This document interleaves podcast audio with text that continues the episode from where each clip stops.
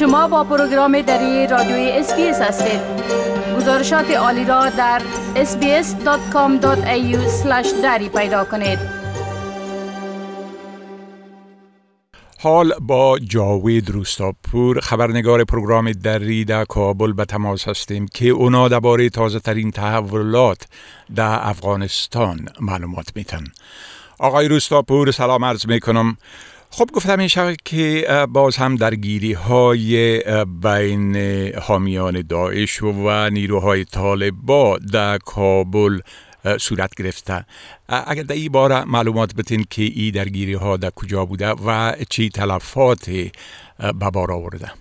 با سلام وقت بخیر. بله امان گونه که شما اشاره کردیم نیروهای امارت اسلامی طالبان گفتن که شب گذشته در یک عملیات که در مربوطات حوزه پنجم امنیتی شهر کابل صورت گرفت با جنگ با جنگجویان گروه داعش در این عملیات سه تن از این جنگجویان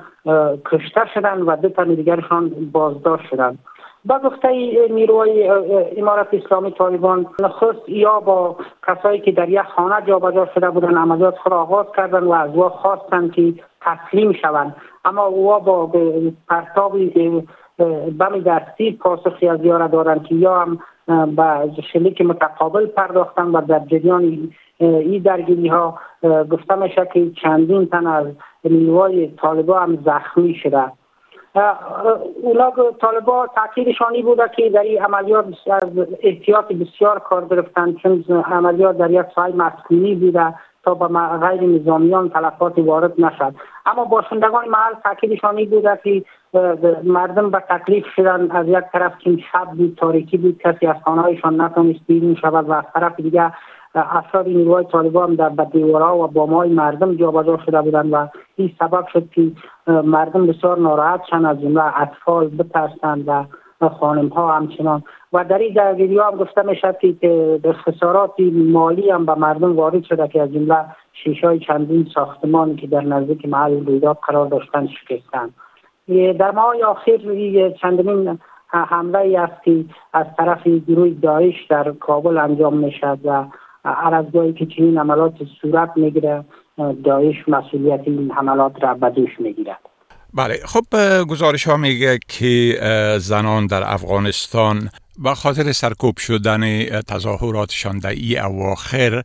حال به نوشتن خواسته هایشان شبانه بر روی دیوارها متوسل شده. اگر لطفا در ای باره یک مقدار معلومات بتین دقیقا در آن گونه که شما اشاره کردین گروهی از بانوان برای رسانیدن صدای عدالت نخواهیشان به جامعه جهانی اعتراضاتشان را ادامه دادند و این بار شب هنگام به جاده های پایتخت برآمدند و آنچه خاصی آنان بود را با شعارهایی بر دیوارنگاری ادامه دادند.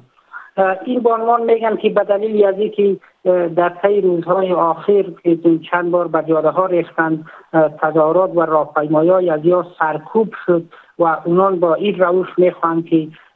خاصشان را به امارت اسلامی طالبا و به جامعه جهانی برسانند که دست از مبارزه بر نمیدارند و از روش های مختلف استفاده می‌کنند تا عدالت تامین شد و حقوق برابری در جامعه حاکم شود. شماری از این بانوان که نخواستن از اونا نامی برده شد در گفتگو با رسانه تاکیدشانی بوده که ما اعتراضاتمان را و خواستهایمان را به گونه های متفاوت هر قدر هم که سرکوب شیم ادامه میتیم و اگر که خب طالبان نخواهند این بار حتی هشدار دادن و تاکید کردن که لباس مردانه به می‌کنیم و برای راهپیمایی به جاده ها میریزیم. این شعارهای بانوان که شب هنگام بر جاده ها بند شده عمدترینشان همون یکی زنان حق کار دارند زنان حق تحصیل دارند زنان حق برابری و مساوات را در جامعه دارند این موارد را در بر می‌گیره و جلب توجه بسیاری در میان افکار عامه و در جامعه کرده و بیشتری شعارها در شبکه های اجتماعی تصویرهایشان گذاشته شده و گفتن که به هر عنوانی که باشد ما هستیم و طالبا فکر نکنن که سرکوب ما سبب شده که ما دیگه به جاره ها نبریم و یا از حق خود منصرف شویم.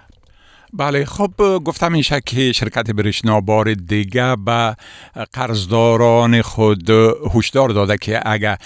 قرضه هایشان نپردازن خانه هایشان ضبط خواهند کرد و بیشتر قرضدارا هم زورمندان و مقامات سابقه بودن بله؟ دقیقا برشنا در یک اطلاعیه بار دیگه به کسایی که مقروض هستند و قرضدار هستند از پرداخت برقشان تاکید کرده که هر چیز زودتر باید قرضهای خود بپردازند. در غیر از او جایدادهای از یا و فروش رسانده خواهد شد تا در بدل قرضهایشان پولی از این حساب شود. و اساس اطلاعیه این شرکت برشنا برخی از شهرهای سیاسی زورمندان و مقامات حکومت پیشین کسایی هستند که از چندین سال به این سو صرفیه برقشان را پرداخت نکردند و میلیون ها دلار به گفته برشنا اینا به شرکت برشنا از بابت بریکاریایشان قرضدار هستند در گذشته هم شرکت برشنا برای افراد وقت داده بود یک ماه تا پولایشان را پولای قرضشان را بپردازند. ولی تعدادی از افراد در داخل افغانستان نیستند به خصوص مقامات حکومت پیشین نمایندگان پارلمان و کسایی که بیشترشان عضو جبهه مقاومت پیشین در بر می‌گیرن یا کسایی هستند که بیشتر قرضدار هستند و هر کدامشون به چند میلیون دلار پول صفحه برقشان که نپرداختن می‌رسد. ولی دیده شود که این بار این اطلاعیه برشنا چقدر می‌تواند پاسا واقع شود تا یا